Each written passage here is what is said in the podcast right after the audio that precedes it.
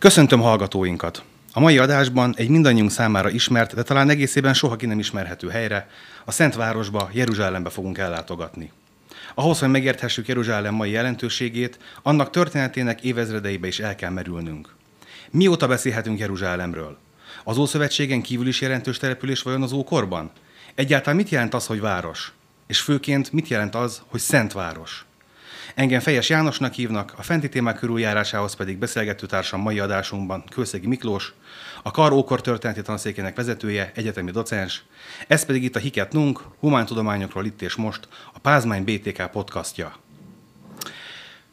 Jártál már nálunk tanár úr korábban, egy más témából kifolyólag, de az ismeretek frissen tartása érdekében szeretnélek kérni, hogy egy pár szóban először mutatkozz be nekünk, mi a fő kutatási területed, és hogy hogyan kerülsz te most közel Jeruzsálemhez. Kutatási területem, amióta a felnőtt kutatási életemet élem, az mindig valamiképpen Izrael vagy Júda, az ókori zsidóság. Már önmagában ezért is körül lehet, közel lehet kerülni Jeruzsálemhez, ez meg is történt.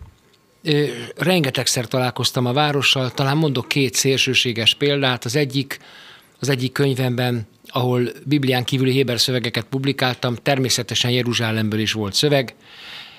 A másik, ami most a szívem közepe, az az, hogy a Pázmány Senior Egyetemen, amit nagyon szeretek, éppen Jeruzsálemről fogok egy kurzust tartani. Ha jól sejtem, holnap kezdünk. Ezen kívül pedig egy könyvem van most egy valószínűleg a reklám miatt meg nem nevezhető kiadónál, ahol a megjelenés előtt talán a karácsonyi könyvásárra kijön, és annak is meglepő módon az a cím, hogy Jeruzsálem, a Szent Város története. Azt gondolom, hogy akkor így mondhatjuk azt, hogy a témának a, a, olyan szakértője vagy, akinek nagyon sok irányból van különféle benyomása a városról. Kezdjük is akkor talán azzal, hogy mi is, mi is az, hogy Jeruzsálem, mi az, hogy, mi az, hogy Szentváros, mi az, hogy város. Hát ezt a három nagy témát szeretném itt most veled egy kicsikét körüljárni. Kezdjük talán azzal, hogy mióta beszélhetünk egyáltalán Jeruzsálemről, mint településről. Nagyon érdekes ez a kérdés, mert ahhoz, hogy az ember egyáltalán elmélyüljön Jeruzsálembe, legalább egyszer ott kell járni. Nagyon furcsa lenne, hogyha a középkorászként úgy tanítanánk a gyerekeket, hogy a budai várat nem láttuk soha. Jeruzsálem egy teljesen egyedi város, és abban a tekintetben is egyedi, hogy természetesen nem tudjuk, hogy mikori minden várost, vagy rengeteg várost azzal reklámoznak, hogy a földkerekség legrégebbi városa, ez azoknál ugyanúgy nem tudjuk, mint Jeruzsálemnél. Amit tudunk az az, hogy biztos, hogy nem zsidó alapítású város, hanem sokkal régebbi, mint az izraeliták honfoglalása, és az is biztos, hogy csak úgy tudunk a nyomára bukkanni a kezdetének, hogyha megnézzük, hogy mik a legkorábbi források, amiben fölmerül a város neve. Na itt kezdődnek a bizonytalanságok, mert egyes kutatók azt állítják, hogy a Krisztus előtti 18, 19, 18, 17. századi átokszövegekben, egyiptomi átokszövegekben a város már megvan. A baj csak az, hogy az átokszövegek ugye úgy működtek, hogy a az ellenséges város vagy nép nevét ráírták egy agyak szoborra vagy edényre, és azt a fáraó összetörte. Ez volt a mágia, mágikus része a dolognak, de hát így aztán persze az ott levő helynevek mind-mind töretékesek a szószoros értelmében. A kutatás megosztott, ami biztos, hogy az Elamarnai levéltárban a Krisztus előtti 14. században Jeruzsálemet már városként említik, királya van neki, a király neve félig sémi, félig anatóliai, egy istennőre utal, úgy hívták, hogy Abdi Hepa. Ekkor már város, tehát ekkor, nem ekkor alapítják, tehát legkésőbb a 14. században már város, bőségesen visszametünk a második évezred közepéig. Persze, hogyha egyszer kiderül, hogy az átokszövegekben is Jeruzsálemről van szó, biztosan, akkor meg még korábban mehetünk. De ez így is több mint 3000 év, 3500. Nagyon sok izgalmas dolgot mondtál itt most nekünk arra próbálnék egy kicsikét ráfordulni, hogy meg lehet azt határozni, hogy Jeruzsálem az miért pont ott van, ahol van. Van-e annak bármiféle természetföldrajzi, éghajlati egyéb jelentősége, hogy a település itt alakult ki? Valószínűleg az az oka, hogy van a közelében egy völgy, amit úgy hívnak, hogy Refaim völgy, itt lehet elég jól gabonát termeszteni. Ez a mai Jeruzsálemi óvárostól délnyugatra van. Régen onnan indult a vonat a tengerpartra, most már áthelyezték a pályaudvart. A város maga pedig egy olyan ö, szikla valami épült, ami olyan, mint egy kinyújtott nyelv, mint hogyha egy Rolling Stones albumnak a logóját látnánk. Keletről és nyugatról és délről is völgy veszi körül, egyedül északról lehet egy kicsit könnyebben megközelíteni. Másfelől van itt egy forrás, a Gihon forrás, amelyik egy eléggé bővízi forrás, amikor fölbuzog, akkor nagyon sok vizet hoz.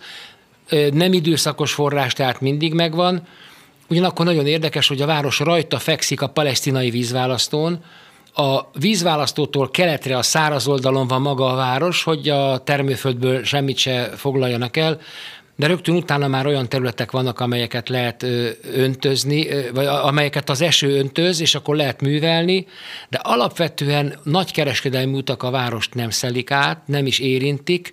Ez egyszer előny és hátrány, nem olyan könnyű meggazdagodni, viszont nem is olyan sokszor rombolják le. Um, térjünk akkor egy kicsit arra vissza, hogy nyilvánvalóan persze ugye a zsidó történelem kapcsán szoktunk a legtöbbet beszélni Jeruzsálemről, viszont említetted, hogy már bőven a, a Héber törzsek betelepülése előtt is létezik a település. Van-e arról bármiféle forrásunk, vagy tapintható elképzelésünk, hogy kik lakják? A Biblia megmondja, egy Jebuzi nevű törzs lakja, hát ezt nem tudjuk, hogy kik lehettek, az biztos, hogy kánoániak voltak, tehát a területnek, hát ha egyáltalán valaha valamilyen területnek van őslakosa, akkor ők azok voltak. Ami nagyon érdekes viszont az, hogy a Bibliában ezer és egy helyen fölmerülnek olyan dolgok, amelyek a jeruzsálemi kultuszból érkeztek. Például Leviatán, akit ugye még Hobbes műveiből is ismerünk, ő egy ilyen káoszkígyó, ő egészen biztosan az Ugaritban lotánként ismerik, és egész biztos, hogy a jeruzsálemi kultuszba ez a káosz szörny, akit Jahve legyőz, biztos, hogy innen érkezik. Ami még meglepő, hogy a seregek ura kifejezés, az, amit Istenre vonatkoztatnunk, az is valószínűleg Kánaánból ered, és nem azt jelenti, hogy hogy Isten ott menetel az izraeli hadsereg előtt, hanem azt jelenti, hogy van neki egy udvartartása, egy seregnyi démonokból, angyalokból, egyéb szellemi lényekből álló udvartartása, Különben nem értenénk, hogy miért, miért mondja azt a teremtésben, hogy teremtsünk embert magunknak. A fejedelmi többest a Héber nyelv nem ismeri, itt erről van szó, és hogy tengernyi Zsoltárt felüthetnénk, hogy nyomát lássuk magában a Bibliában ennek a fajta kánoáni örökségnek. Mennyire jelentős település magában a kánoánit a környezetben? Átlagos, inkább átlag alatti. Biztos, hogy a kánáni környezetben a tőle észak levő Sikem az nagyobb város, az is biztos, hogy eh, ahol vannak különféle egyéb, Megiddó például, amelyik rajta van egy, egy nagy úton, vagy Hátszór, amelyek szintén rajta van azon a Via Maris nevű úton, ami Egyiptomot köti össze Szíriánat, Mezopotámiával, ezek mind-mind sokkal nagyobbak. A Kámáni Jeruzsálem megdöbbentően kicsi, területe 4 hektár, ami azt jelenti, hogy legfeljebb ezren lakják mai léptékkel nézve az valóban egy, egy egészen apró település. És akkor nézzük is azt meg egy kicsit, hogy mit jelent az ókori közel-keleten egyáltalán a város. Nagyon sokszor használtuk már most ezt a, ezt a terminus technikuszt, de azt gondolom, hogy ez teljesen más dolgot fog jelenteni, akár méretben, akár építészetében, mint amit most gondolunk egy városról. Ez pontosan így van. Az első, ami nagyon félrevezető, az a lakossági létszám.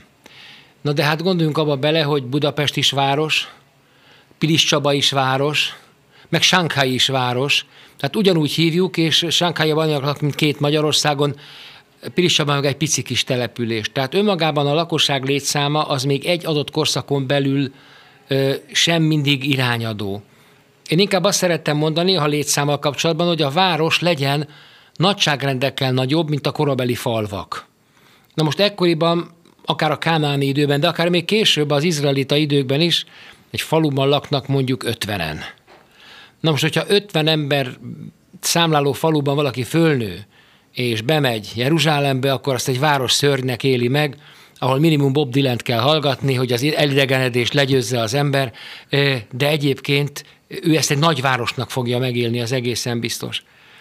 Sokkal inkább érdekesebb a városnak a területi kiterjedésére gondolni, ezt hektárban szokták mérni a régészetben, vagy akrban, hogyha ha izraeliek dolgoznak, vagy amerikaiak, én maradok a hektárnál, ugye a tízezer négyzetméter, ebből négy jut Jeruzsálemnek. A probléma az, hogy mondjuk a 8. századi vagy a 7. századi Ninive az meg ilyen hektárból 700. Babilon meg még nagyobb.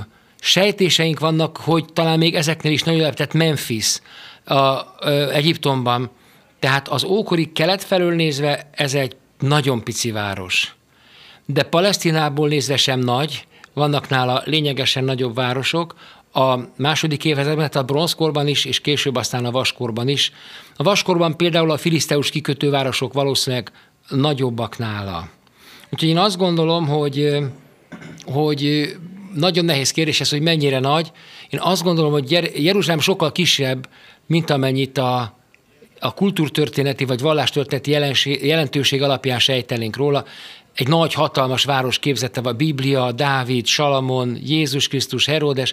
Ehhez képest a város egészen hosszú ideig megdöbbentően kicsi. És hogyha a, az építészetet nézzük, tehát hogy szükséges-e például egy városnak, hogy mindenképpen erődítve legyen, legyen állandó ö, fal, stb. Igen, tehát ha, ne, ha, ha nincs fal, akkor nem beszéltünk városról. A probléma a fallal nyilván a kapu.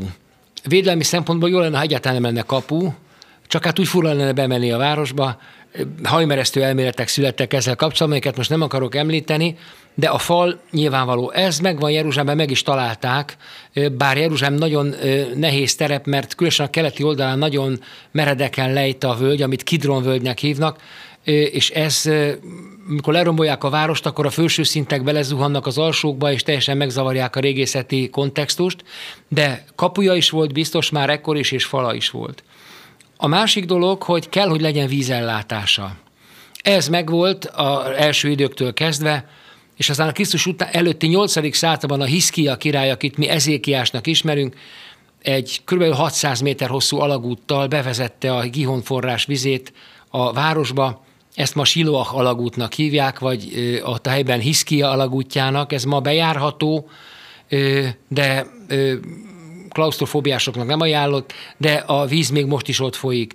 A harmadik elem mindig az egy ilyen városnál, hogy legyen differenciált az építészeti környezete. Jeruzsálemben ez megvan, hiszen biztos, hogy már a Kámeni Jeruzsálemben volt templom, egy szentély, csak nem tudjuk, hogy hol. Lehet az is, hogy a városon kívül, de a közvetlen közelében. Talán ott, ahol a mai templomhegy van, de ezek csak spekulációk és kellett lennie palotának. Már nem csak Dávidnak volt ott palotája, hanem az elődeinek is. Én simán el tudom képzelni, hogy Dávid beköltözött az elődeinek a palotájába, ez volt a leggazdaságosabb megoldás. A probléma az, hogy ugye Dávid palotáját egy-két évente megtalálják, ami kicsi pessimistában azt jelenti, hogy fogalmuk sincs, hogy hol lehetett. Sokan a városon belülre, a város északi legmagasabb pontjára lokalizálják, de ennek igazából egyetlen oka van, ami nem régészeti, hogy hát hogy háthatta meg Dávid a fürdőző becsábét a tetőről, ha nem az övé volt a legmagasabb ház. Vagyis ez azt jelenti, hogy Dávid korában a város marad négy hektáros, de megvan benne a vízellátás, megvan benne az erődítés, megvan benne a differenciált környezet, hiszen van egy templom, van egy palota, és ezen belül az is valószínű, hogy a lakosság is rétegződik. Tudjuk, hogy a lakosság gazdasági helyzetét az ókorban legjobban a lakásokról, a házakról lehet lemérni, a házak berendezéséről.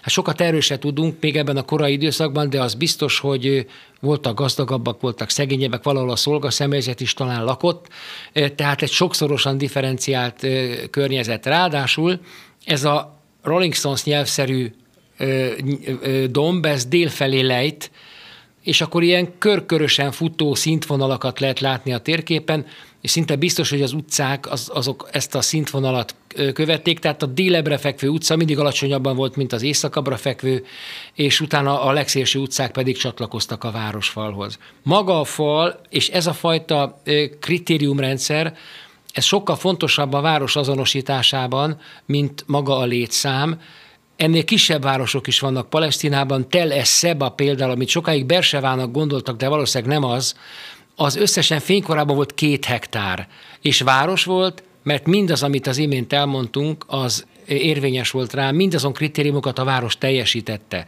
Jeruzsálem tehát város volt, minden olyan kritériumot teljesített, amit egy városnak teljesítenie kell az ókorban, az ókori közelkelten, Palesztinában, Na de hát Ninivének az egyik apró kerülete is sokszorosa volt ennek a városnak. Nyilván ez csapódik le abban az emlékezetben, amit Jónás könyvében olvasunk, hogy három napig ment Jónás csak mire elérte Ninive város központját, Hát ekkor azért nem volt Ninive, nyilván amikor Jónás könyvét írták, Ninive már nem létezett, csak azt tudták, hogy nagy volt, és minél távolabbra kerültek Ninivétől, a város annál nagyobbá vált. Azért Ninive sem volt akkora nagy, hogy hat napig kellett volna benne menni, de egészen biztos, hogy ezek a nagy ókori keleti birodalmi központok, ezek a városiasodásnak egy teljesen más dimenzióját képviselik, mint Jeruzsálem. Viszont ha van olyan a történelme, hogy igazságosság, amúgy szerintem nincs, de ha volna, akkor azért gondoljunk bele abba, hogy ebben a pici városban született a Biblia egy része, ebben a pici városban feszítették keresztre Jézus Krisztust, erről a kicsi városról ír az én kedvencem a Mihály Bulgakov, tehát én azt gondolom, hogy igen, a város pici, a jelentősége azonban a kultúrtörténetben óriási, és azt gondolom, hogy ez még csak vallásosnak sem kell lenni. Ha valaki vallásos, persze akkor más szemüvegen keresztül nézi a dolgot, de nem hiszem, hogy mondjuk, ha valaki ateista, akkor ebből az következne számára, hogy Jézus Jézus jelentéktelen személy volt. Ez egészen nyilvánvalóan nincs így. Jeruzsálem tehát aztán később része lesz a Terra Sanctaként említett, Szentföldként említett Palesztinának, és így azután a jelentősége óriási, és valószínűleg ennek köszönheti, hogy sosem megy ki a nyugatnak a mondjuk így kollektív emlékezetéből ennek a városnak az alakja, meg az, hogy ez a város fontos volt valamikor nagyon. Folytathatnánk akkor talán azzal, hogy egy picikét nézzük át a városnak az ókori Izrael alapításától kezdve a történetét. Itt most nyilván nem arra gondolok, hogy akkor évről évre, következő 45 órában itt, itt mondjuk végig, hogy mikor mi történt. Um, abból, amit az eddigiekben elmondtál, nagyon úgy tűnik, hogy ideális fővárosként lehetett ezt megragadni a betelepülő törzsek számára. Így van ez? Kezdettől fogva ez, ez fővárosnak lett esetleg számva a honfoglalás után, vagy pedig hogyan, hogyan kerülhetett ide végül Dávidnak az udvara? Ez egy nagyon érdekes kérdés. Azt olvassuk a bírák könyvében, hogy az izraelitáknak egyetlen nagyobb város sem sikerült elfoglalni rögtön, amikor a honfoglás leszállt. Ez merőben más, mint amit a Józsué könyvében olvasunk, de ez egy bibliatudományi probléma, amire nem akarok most kitérni. Az azonban biztos, hogy Jeruzsálem elég sokáig kánaáni kézen maradt. Tudni kell ehhez azt, hogy Izrael törzsei az nem egyszerűen 12, hanem 10 plusz 1 plusz 1. A, a második plusz 1 az a Lévi törzse, akinek az előtörténete a, a nagy-nagy homályba vész. Ugye a későbbi bibliai szövegek azt mondják, hogy eleve kiemelte őt Isten a törzsek közül, mert innen származtak a papok. Oké, okay, Lévit hagyjuk. Akkor még mindig marad 10 plusz 1, ahol az egy az a Júda, a 10 az összes többi. A későbbi történelmből is tudjuk, hogy a déli törzs az egy külön entitást képezett, ezt hívták Júdának, a tíz északi pedig változó létszámban, de általában együtt volt, és ezt hívjuk Izraelnek. Na most az a nagyon-nagyon jó dolog, hogy a tíz törzs legdélebbie az Benyámin. És a benyámini törzs területek, valamint Júda között volt egy senki földje, illetve nem volt senki, az Jeruzsálemnek a földje volt, a Kánáni Jeruzsálemnek a földje. Dávidról pedig tudjuk azt, hogy a bibliai hagyomány úgy tudja, és nincs okunk különösebben kételkedni ebben, hogy ő kezdetben Júda királya, tehát csak a déli törzsnek volt a királya, és ezért nyilvánvalóan egy olyan főváros keresett magának, ami az ő területén van, ez volt Hebron. Hebron ma már egy arabok lakta város, ennek sok oka van. Valószínűleg már az ókorban elkezdődött az arabok előrenyomulása ebben a régióban, összefüggésben a babiloni fogsággal. Amikor azonban Dávidot felkérik úgymond az északi törzsek, hogy legyen a királyuk, akkor kellene neki egy fővárost találni, ami azonban nagyon nehéz, mert a Hebronban marad, akkor az északiak reklamálni fognak, hogy hát, hát mi vagyunk többen, mi vagyunk a nagyobbak, szebbek, erősek, gazdagabbak, hát akkor mi? Ha viszont északra megy, akkor elhagyod a klánodat, és ezért aztán Jeruzsálem egy ideális főváros volt Dávid számára, mert az sem nem északi nem volt, sem pedig déli nem volt.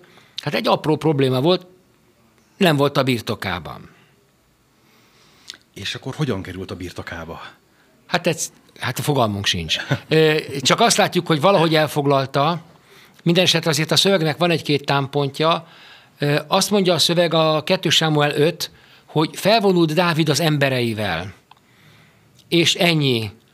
Tehát nem azt mondja, hogy egész Izrael vagy valami, tehát valószínűleg nem, a, nem az, az egész, nem tudjuk, hogy milyen volt ekkor az izraeli vagy a judai hadsereg, de azt tudjuk, hogy Dávid a saját magánhadseregével foglalta el Jeruzsálemet. Ez azért lett fontos, mert így aztán az elfoglalt város Dávid városa lett.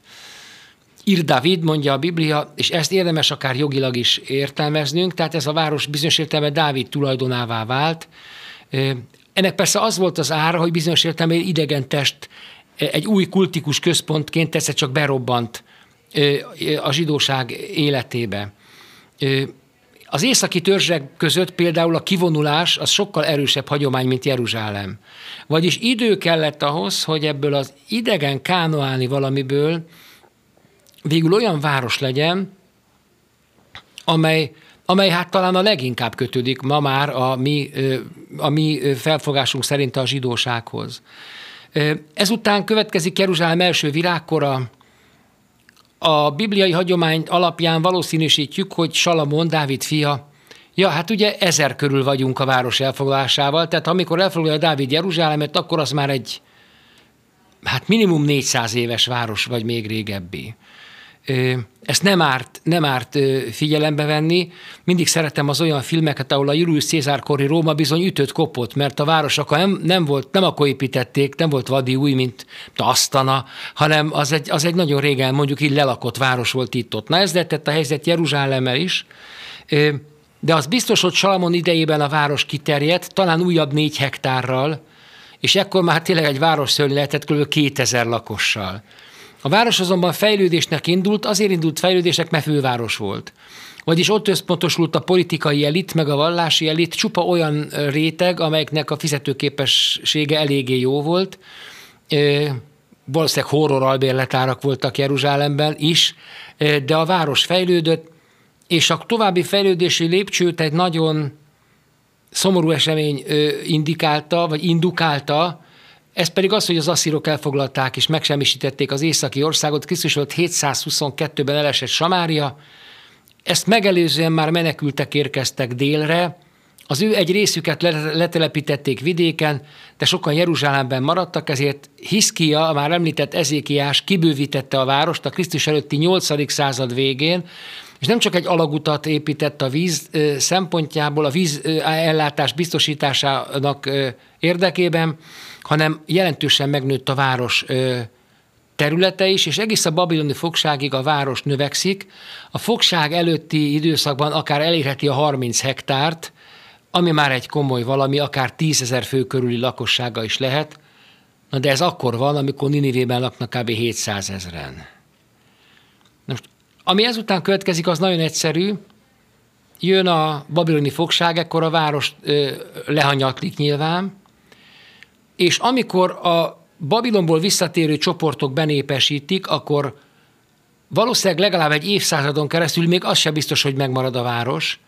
Rendkívül kevesen laknak benne. Lehetnek olyan időszakok, hogy mondjuk száz fő lakossága van a városnak, Nehemiás és Esdrás korában, és azt gondoljuk, hogy a várost, mint ahogy a Münhausen báró saját magát a hajánál fogva, úgy a, a templom jelenléte húzta ki a pusztulásból, méghozzá az arándoklat miatt, és az arándokoknak a, az arándoklat ugye egyfajta turizmus, csak egy speciális turizmus, de hiába speciális turista az arándok szeretne enni és aludni. Továbbá áldozatot bemutatni a templomban, szóval sok mindent pénzt költ. És ez a anyagi erő volt az, ami Jeruzsálemet elkezdte fölfelé húzni, Ugyanez aztán már elköződik egy fejlődés, de az igazi nagy ugrás akkor következett be, amikor a második század táján létrejött egy önálló zsidó állam a Makabeus család vezetésével, akit ugye hasmoneusoknak hívunk, ekkor Jeruzsálem megint főváros lett. Nem egy provincia fővárosa, a Perzsa Birodalom egyik határvárosa, hanem egy állam, noha kicsi állam, de mégiscsak államnak a fővárosa, és ekkor elkezdődik a város fejlődése, bővítik a templomhegyet, ennek elég jó régészeti nyomai vannak, és bármilyen furcsa a hallgatók számára, Jeruzsálem számára a legjobbat Heródes tette, aki még jobban kibővítette a várost, vízvezetékekkel látta el római módra, a templomhegynek a végső formáját kialakította, ami 144 ezer négyzetméter, ezt már nem lehet kisvárosnak mondani, és úgy gondoljuk, hogy Heródes idején a város elképesztő módon fejlődött. Jézus Krisztus korára, aki ugye nem volt Heródes kortársa, a betlemi gyerekgyilkosságot azt most hagyjuk, abban az, arra az időre akár elérhette a 30 ezer főt is Jeruzsálem lakossága, ez palasztinai viszonylatban már ekkor olyan közepes lehetett. Ekkor persze megint jött egy nagy hullám, egy hullámvölgy, ugye a, a zsidó háború keretében 70-ben Krisztus után a rómaiak lerombolják a várost, és teljesen tényleg eléggé lerombolják. Nem is az a baj, hogy lerombolják, nem gondolhatjuk, hogy a legiók ott maradtak csákányozni hónapokig, hanem inkább a környék lakosság elkezdi széthordani a várost, ez mindig így van. Ezt a várost a rómaiak újjáépítik a második század közepén, nagyjából Hadrianus idején, és ekkor alakul ki az óvárosnak, a mai Jeruzsálemi óvárosnak a szerkezete. Ezért ez megint szédítő, tehát amikor járunk Jeruzsálembe, az a város majdnem 2000 éves, de akkor már az a város 1500 éves volt, mikor ezt a bakfis korú 2000 éves megcsinálták, és az utolsó nagy ókori csúcspontja az pedig a bizánci kor, amikor meg a keresztény zarándokok kezdik az egész Szentföldet, de ezen belül Jeruzsálemet is egy elképesztő mértékű gazdasági felendülésé be, belevinni, és tulajdonképpen az egyik csúcspont az ókorban Heródes, aztán van a nagy hullámvölgy, a 70-es pusztulás, de a bizánci korra sikerül felülmúlni még ezt a heródesi nagyságot is, és ezután a várost ugye elfoglalják a muszlimok, és innentől kezdve a város története teljesen más kontextusba tartozik. Rettenetesen sűrű ugye ez a történelem, amit ebben a városban látunk, és hát ráadásul nem egy olyan településről beszélünk, ami ilyen tel formájában szabadon feltárható lenne. Mennyire lehetetlen vállalkozás jó képet kapni régészeti szempontból erről a városról? Hát nagyon nehéz. Az imént már említettem, hogy Dávid palottáját mindig megtalálják, ami hát ugye pessimistában mást jelent. A templomhegy, kezdjük talán azzal, annak az alap, alaprajza megmaradt Heródes Korinak, sőt, hát a, a, a határoló falai, azoknak az alsó soraiban még mindig látni a Heródesi kövek. Ezek között van nem egy, amelyik 20 tonna körüli nagyságú letett, tehát pontosan úgy nem tudjuk, hogy hogy építették, hogy a piramisokról sincs nagyjából komoly sejtelmünk. Csak hogy ezen a templomhegyen állt a templom. Még azt is sejtjük, hogy hol, csak ezt a templomot lerombolták a rómaiak, és soha nem is épült újjá. Amikor Hadrianus a várost újjáépítette, akkor a templomhegy ott maradt rommezőként, talán egyfajta mementóként, hogy így jár mindenki, aki a birodalommal szembeszegül, és amikor a muszlimok megalakítják a várost, akkor egy nagyon-nagyon érdekes dolog történik. Az, a bizánci közigazgatás elmenekül, és a pátriárka maradott, aki találkozik Umárral, a kalifával, beinvitálja a Szentsír templomba Umárt, hogy imádkozzanak. És a Umár azt mondja, hogy ő nem imádkozik itt, mert ha ő itt imádkozik, ezt el fogják venni a keresztényektől. Ezért kicsit arrébb imádkozik, ahol ma meg is van a mecset, a Szentsír templom bejáratánál, a keresztény zarándokok sokszor azt gondolják, mikor ott megszólal műezin, hogy a muszlimok provokálják a keresztényeket, és nem tudják, hogy micsoda szerencse, hogy az a mecset ott van, nem pedig a Szentsír templom helyén, mert akkor a templom helyén már mecset lenne. Viszont cserébe a pátriárkát a kalifa meginvitálja a templomhegyre és ott látják, hogy egy megymerő romhalmaz az egész, és szimbolikusan elkezdik kitakarítani a templommegyet, mindketten fölvesznek egy darab kavicsot, a munkát persze nem ők végzik, és innentől kezdve viszont a muszlimok kiválasztják maguknak a templomhegyet, mint szent helyet, és ha valami ekkor még látható volt Herodes templomából, az legkésőbb ekkor eltűnik, a templom egy teljes struktúrája megváltozik, és mára már ez az iszlámnak az egyik, hát talán Mekka után egyik legfontosabb ö, szent helye, ezernyi kötődéssel a profétához. Nem véletlen, hogy az arab neve a városnak Al-Quds, a szent, csak így egyszerűen. Ha egy várost így hívnak, hogy a szent, az azt jelenti, hogy a szentségnek egy igen magas fokánál. A Kába kővel nem versenyez, de azért, azért nem semmi. Al-Quds, a szent. Akkor maradjunk is itt ennél a szentség témakörnél alapvetően, hiszen most már talán elmondhatjuk azt is, hogy hogy a, a, a városnak ez a jellemzője, hogy szent, ez tulajdonképpen nem egy túlzás. Ha csak ezt az arab nevet nézzük, ez már erre egy nagyon jó bizonyíték, viszont nyilvánvaló, hogy nem a városnak az egésze, tehát nem a ma létező Jeruzsálemnek az egésze egyenlő ezzel a szentséggel, hogyan lehet ehhez viszonyulni ott? A, a három hatalmas ábrahámi vallásnak a, a, a különböző fontos helyei azok mennyiben különülnek ott el egymástól? Itt most egy kicsit ilyen turisztikai jelleggel is kérdezem ezt, hogy aki még nem járt ott, hogy hogyan tudjuk ezt elképzelni? Hát nevesnek egybe, de majd nem egészségtelenül közel vannak egymáshoz. Ugye a templomhegyről beszéltünk, az a muszlim szenthegy, ott, ott nagyon komoly ellenőrzés után lehet fölmenni, ahhoz képest egy repülőtéri ellenőrzés semmi. A az izraeli checkpoint fölött föl van írva a főrabbinátus utasítás, hogy inkább nem menjenek föl zsidók, mert nem tudni, hol volt Salamon temploma, és lehet, hogy belépnek a szentek szentjébe, úgyhogy nem is tudják, de hát ez egy tabu megsértése, és a tabunál mindegy, hogy, hogy szándékos volt-e, vagy nem. A, a muszlim szenthelyekre nem lehet bemenni. Én először Jeruzsálemben 1993-ban jártam, és akkor még be tudtam menni a Szikladomba is, meg az Alaksa mecsetbe is. Azóta akárhányszor voltam ott, nem engedik, nem lehet fölmenni. Ennek több oka van, bizonyos szélsőségesek megpróbálták fölgyújtani a szikladómot, akik föl akarják építeni a harmadik jeruzsálemi templomot, így azután oda most csak muszlimok mehetnek imádkozni. De a térség egyébként nagyon szép, olajfa ültetőek, maguk az épületek is gyönyörűek. Ahogy megyünk föl a templomhegyre, ott látjuk a siratófalat, egy ilyen hídon megyünk föl, elkülönítve a muszlimokat a zsidóktól, a bal oldalon. Ez az a rész, ami megmaradt Heródes templomából. Ha ide-oda akar menni az ember, akkor általában megkérdezik, hogy zsidó-e.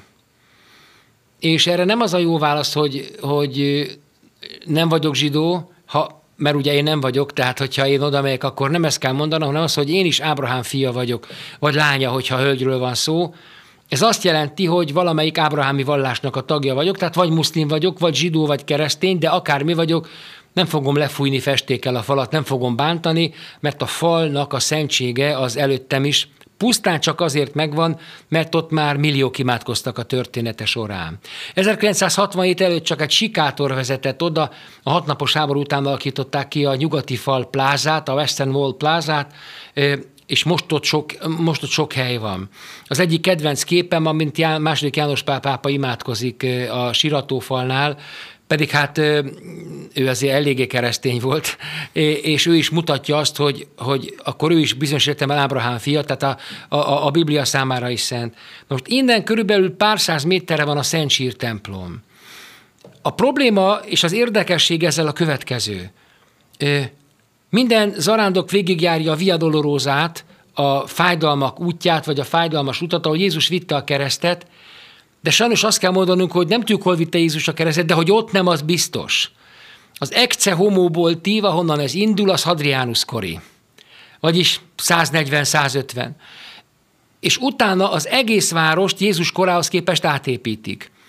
A Hadrianus által épített város, a mai óvárosnak teljesen más az utcaszerkezete, tipikus római város főutcákkal és derékszögű mellékutcákkal, és valahol ott alatta volt a Jézus kori város. Nem tudjuk pontosan, hogy hol volt Heródes palottája, ahol Poncius Pilátus is ítélkezett. Nekem meggyőződésem, hogy a Jaffa kapunál, tehát a Golgotától délre. Vagyis Jézus nem az északkeleti excehomoboltívtől indult, hanem a déli a irányú palotától, az útja is valószínűleg rövidebb volt, és itt jön a második probléma. A Biblia azt írja, hogy a Golgota a városon kívül helyezkedett el. Az arándokok csodálkoznak arról, hogy a Szentsír templom pedig az óvároson belül van. Igen ám, de a Szentsír templom az a Hadrianuszi falon belül van. Herodes és Jézus korában a Golgota kívül volt a városon. Éppen ezért úgy látjuk, hogy a Jézus esemény talán egyetlen olyan helyszíne Jeruzsálemben, ami archeológiailag nagyon jól azonosítható, az maga a Szent Sír templom második század végéről van ott graffiti, amit már keresztény zarándokok írnak, latin nyelvű felirat, a fordítás az, hogy Uram, megjöttünk. A templom helyén akkor valami keresztény hely van, tehát már a második században azt gondolják, hogy valahol ott eddig tudjuk visszakövetni írásos forrásokkal a hagyományt. A Szent Sír templomot azután Nagy Konstantin korában kezdik építeni, óriási méretű állami beruházás, korának valószínűleg legnagyobb épülete lehetett. Nem feladatunk most tovább követni a Szent Sír templom történetét, mert most már csak fele akkora, mint volt, de az a része, a rotunda, az a kerek alaprajzú valami, ahol a Szent Sír van, az még mindig megvan, és a különféle keresztény felekezeteknek a kezén van. Ezeknek a felekezeteknek a viszonya nem mindig felhőtlen egymással, és szerintem aki aki ezt egyszer meglátja, az adott esetben akár még csalódással is távozhat onnan. Azonban a napi politika innen sem menekül. A Szentsír templom oldalán vannak táblák, hogy mit nem szabad bevinni, kutyát, kést, géppisztolyt és kézigránátot, ugye? Hát általában hát ki az, aki ma a templomba megy kézigránát nélkül, ugye? Hát ez egy eléggé furcsa innen Európából nézve. Sajnos nem elképzelhetetlen, hogy valaki olyan szándékkal megy a templomba, hogy felrobbantsa, vagy megölje az arándokokat, vagy valamiféle kárt tegyen a templomban. Ugyanakkor azt is el kell mondanom, hogy a, hogy a, a legutóbbi nagy, a kupola legutóbbi nagy tatarozásába rengeteg pénzt adott a jordániai király, második Abdallah, a Husseinnek a fia, akiről sok mindent lehet mondani, hogy keresztény volna, azt nyilván nem.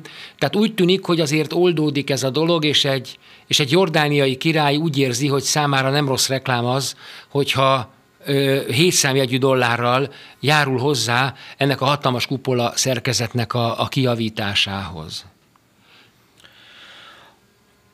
Tulajdonképpen akkor az én egyik nagy benyomásom most mindabból, amit eddig elmondtál, hogy az elmúlt, hát egy jó 3000 évben ez a város, ez egy állandó zarándoklati központ. Ezt ugye kijelenthetjük. Arra is tettél világos utalást, hogy ennek milyen jelentősége van, akár az ókorban, akár a középkorban. Most, amikor már az utazás az nem egy annyira nagy probléma az átlagember számára sem, mennyiben határozza meg ez a városnak úgy általában a, a mindennapjait? Tehát, hogy most is mondhatjuk-e azt rá, hogy ebből a kvázi vallási turizmusból ö, ö, működik, és ennek valamelyest alá próbálja magát rendelni, vagy pedig ez csak már egy megszokott dolog, ami az életnek a velejárója itt ebben a nagyvárosban? Szerintem mind a kettőben igazad van. Az Jeruzsálem óvárosa az rengeteg pénzt termel.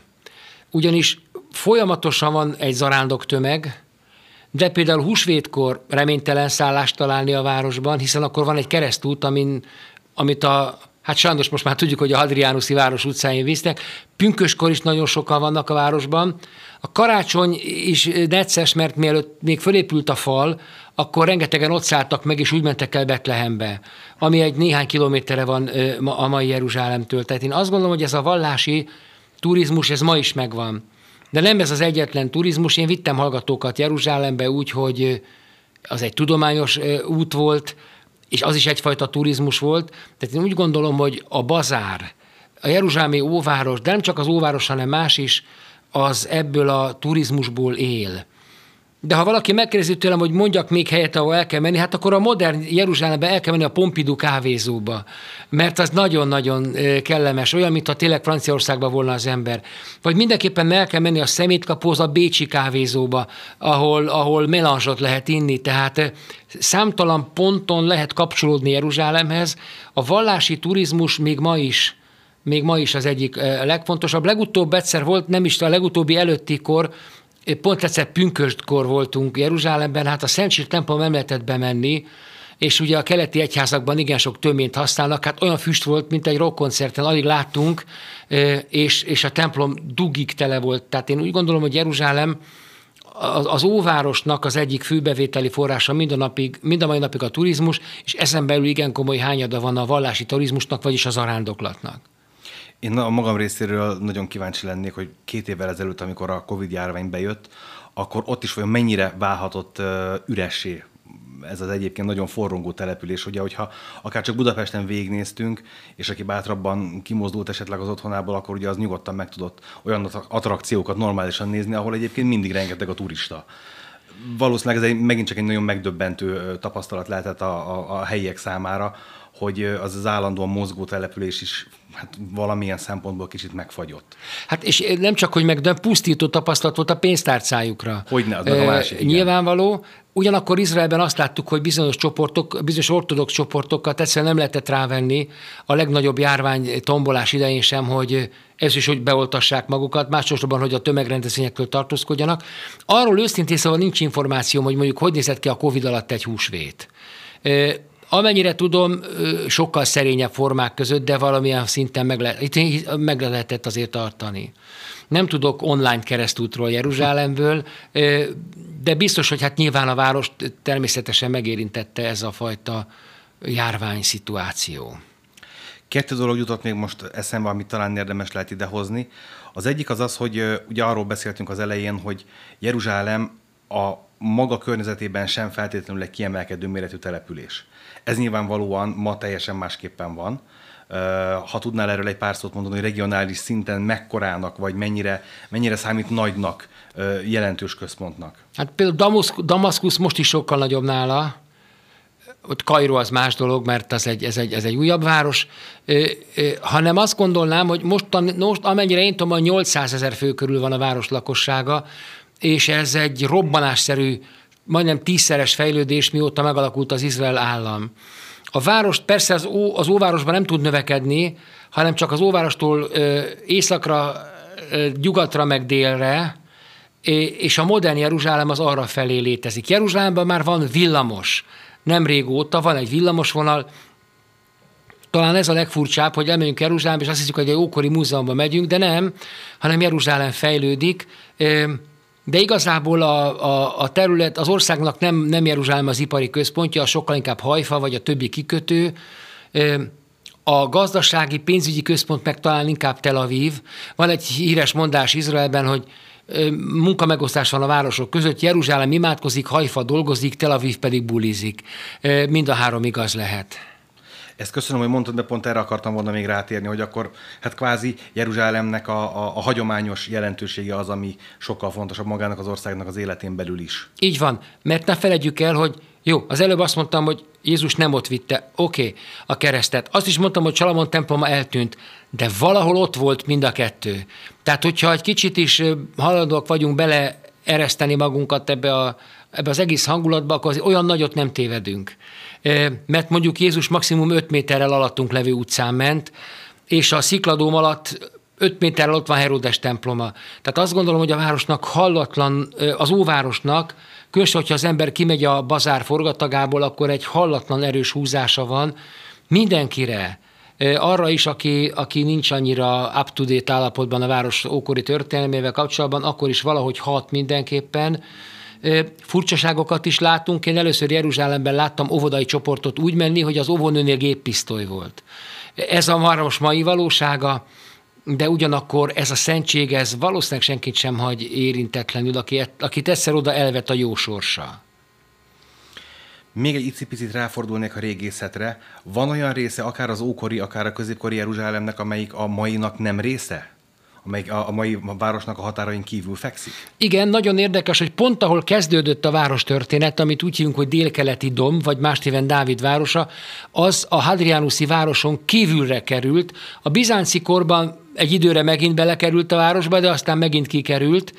Tehát ma tulajdonképpen az az érdekes, hogyha elmegyünk egy városba, akkor azt gondoljuk, hogy a legrégebbi része az óváros, Jeruzsálemnél ez nem így van, hanem a, a Dávid városa a, a, az óváros déli falától délre van, egy nagyon forgalmas úton kell átmenni, és egy hatalmas és csodálatosan megépített régészeti park van, ahol be lehet járni az egészet remek, nem csak héber, hanem angol feliratokkal, és bemehetünk ebbe a bizonyos ezékiási alagútba is.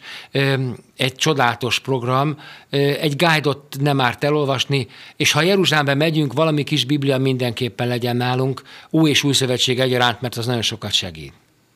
Záró kérdésként még azt szeretném tőled kérdezni, hogy ha félretesszük a, a történészi, a régészi érdeklődésedet, vagy bármi nemű egyéb ilyen típusú beállítódásodat, akkor ezeken kívül melyik szerinted a legszebb vagy a legjobb része a városnak? Hol sétálsz legszívesebben, hogyha ott vagy? Két hely is van, de mind a kettő a templom hegyel függ össze. Hogyha a Jaffai kapun bemegyünk és eldunk lefelé, akkor hamarosan elérkezünk a Habad utcához, ami jobbra fölvisz, és ott elérkezünk egy vastépcsőhöz, amin föl lehet menni a bazárnak a tetejére. És onnan premier plánba látjuk nyugat felől a templomhegyet, a, a, a szikladóm csodálatos aranykupulájával, meg az olajfák hegyét. És már innen elmondtam a másikat, fölmehetünk az olajfák hegyére, onnan pedig az egész óvárosra káprázatos kilátás nyílik, tehát ha valaki szépet akar látni, de nem érdekli, hogy az micsoda, akkor erre a két helyre elmegy, valami szépet látni fog, az egészen biztos. És elkezd érdeklődni az iránt, hogy ez micsoda. Nagyon remélem, hogy a hallgatóinkban is fel tudtuk kelteni az érdeklődést Jeruzsálem iránt, ha eddig nem volt meg. Ha pedig megvolt, akkor remélem, hogy sok olyasmiről volt ma itt szó, amivel színesíteni és stílesíteni tudtuk a látókört. Ha megjelenik a könyved, akkor majd kérlek számolj be nekünk róla, hogy erről is majd hírt adhassunk.